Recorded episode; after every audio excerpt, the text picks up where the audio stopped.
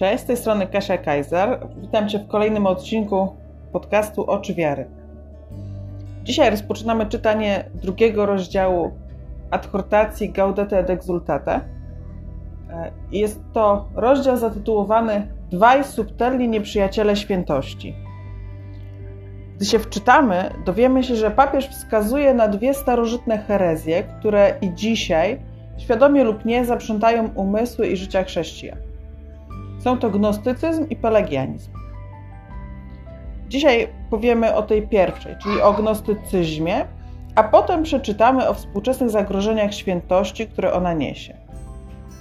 Tytułem wstępu.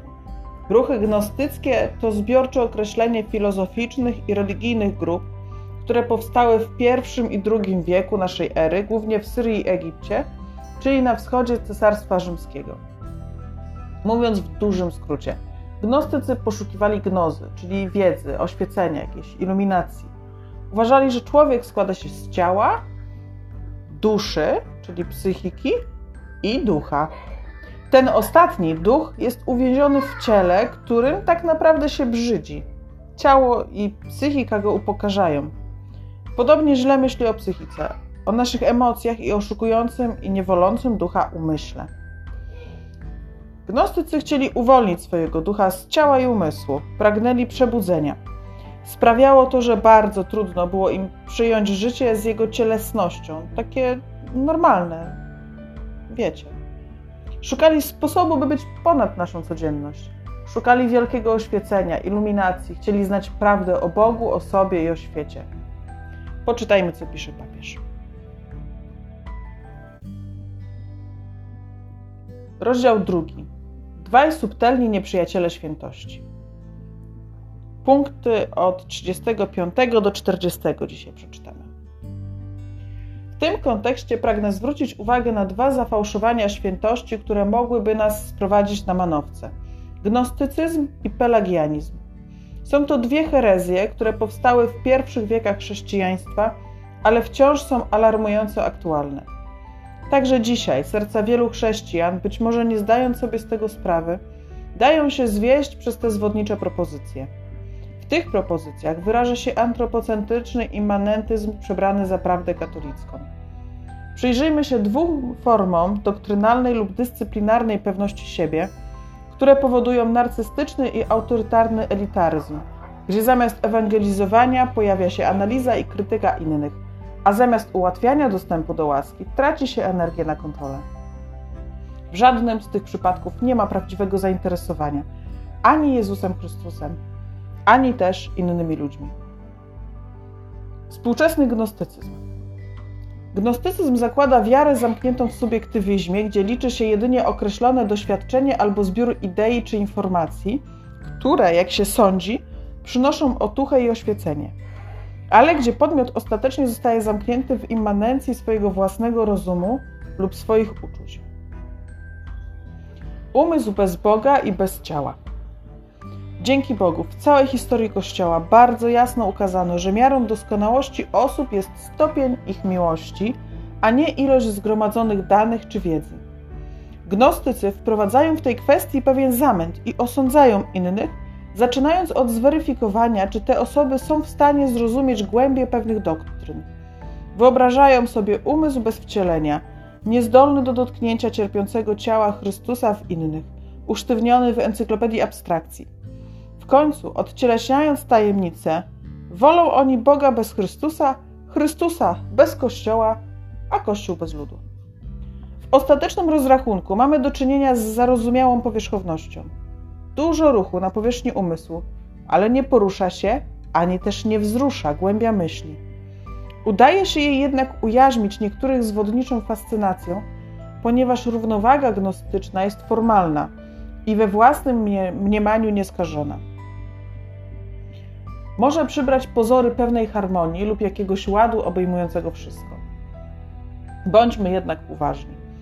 Nie mam na myśli racjonalistycznych wrogów wiary chrześcijańskiej, to może się zdarzyć w kościele, zarówno wśród osób świeckich w parafiach, jak i tych, którzy nauczają filozofii lub teologii w ośrodkach kształcenia. Cechą charakterystyczną gnostyków jest bowiem przeko również przekonanie, że dzięki swoim wyjaśnieniom mogą uczynić doskonale zrozumiałą całą wiarę i całą Ewangelię. Absolutyzują swe teorie i zmuszają innych, by podporządkowywali się rozumowaniu, którym oni się posługują. Czym innym jest zdrowe i pokorne wykorzystanie rozumu do refleksji nad nauczaniem teologicznym i moralnym Ewangelii, czym innym natomiast jest próba zredukowania nauczania Jezusa do zimnej i surowej logiki, która dąży do panowania nad wszystkim.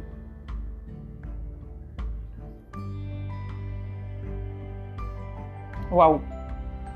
Ok, to wróćmy w takim razie do punktu 35. Czytamy tam tak. Przyjrzyjmy się dwóm formom doktrynalnej lub dyscyplinarnej pewności siebie, które powodują narcystyczny i autorytarny elitaryzm, gdzie zamiast ewangelizowania pojawia się analiza i krytyka innych, a zamiast ułatwiania dostępu do łaski traci się energię na kontrolę. W żadnym z tych przypadków nie ma prawdziwego zainteresowania ani Jezusem Chrystusem, ani innymi ludźmi. To z, pols z polskiego na nasze. Jest taki rodzaj pewności siebie, który pozbawia nas prawdziwego zainteresowania Jezusem i innymi ludźmi. Papież mówi: doktrynalna lub dyscyplinarna pewność siebie, czyli dotycząca sposobu nauczania lub tego, co, kto i jak powinien robić. Powoduje to taką postawę, w której zamiast prawdziwie ewangelizować, analizujemy i krytykujemy. Zamiast ułatwiać dostęp do łaski, do Boga, tracimy energię na kontrolowaniu ludzi. Analiza i krytyka, kontrola, zamykanie się w wąskiej grupce prawdziwie oświeconych. Powiem Wam prawdę, brzmi zbyt znajomo. Zbyt wiele razy to widziałam. W punkcie 37 czytam. Dzięki Bogu w całej historii Kościoła bardzo jasno ukazano, że miarą doskonałości osób jest stopień ich miłości, a nie ilość zgromadzonych danych czy wiedzy. No, chciałoby się zawołać Amen. Tylko miłość ma sens. W punkcie natomiast 39 jest tak. Czym innym jest zdrowe i pokorne wykorzystanie rozumu do refleksji nad nauczaniem teologicznym i moralnym Ewangelii. Czym innym natomiast jest próba zredukowania nauczania Jezusa do zimnej i surowej logiki, która dąży do panowania nad wszystkim. Papież nie zachęca tutaj do pozbycia się rozumu i myślenia. Mówi jedynie, że Jezus nie po to przyszedł na ziemię, żeby przynieść nam zimną i surową logikę, która dąży do panowania nad wszystkim. To całkiem dobry kierunek rozważań w adwencie, który teraz przeżywamy.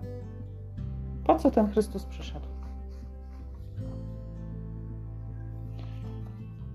Papież wspomina w tym fragmencie o tajemnicy. Mówi, że gnostycyzm chce oswoić tajemnicę zarówno Boga i Jego łaski, jak i tajemnicę życia innych ludzi.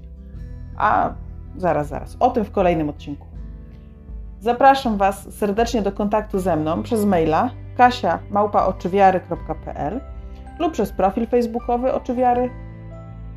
Można też wszystkie odcinki podcastu znaleźć na stronie oczywiary.pl. Pozdrawiam Cię bardzo serdecznie. Niech Cię Bóg błogosławi. Kasia Kaiser.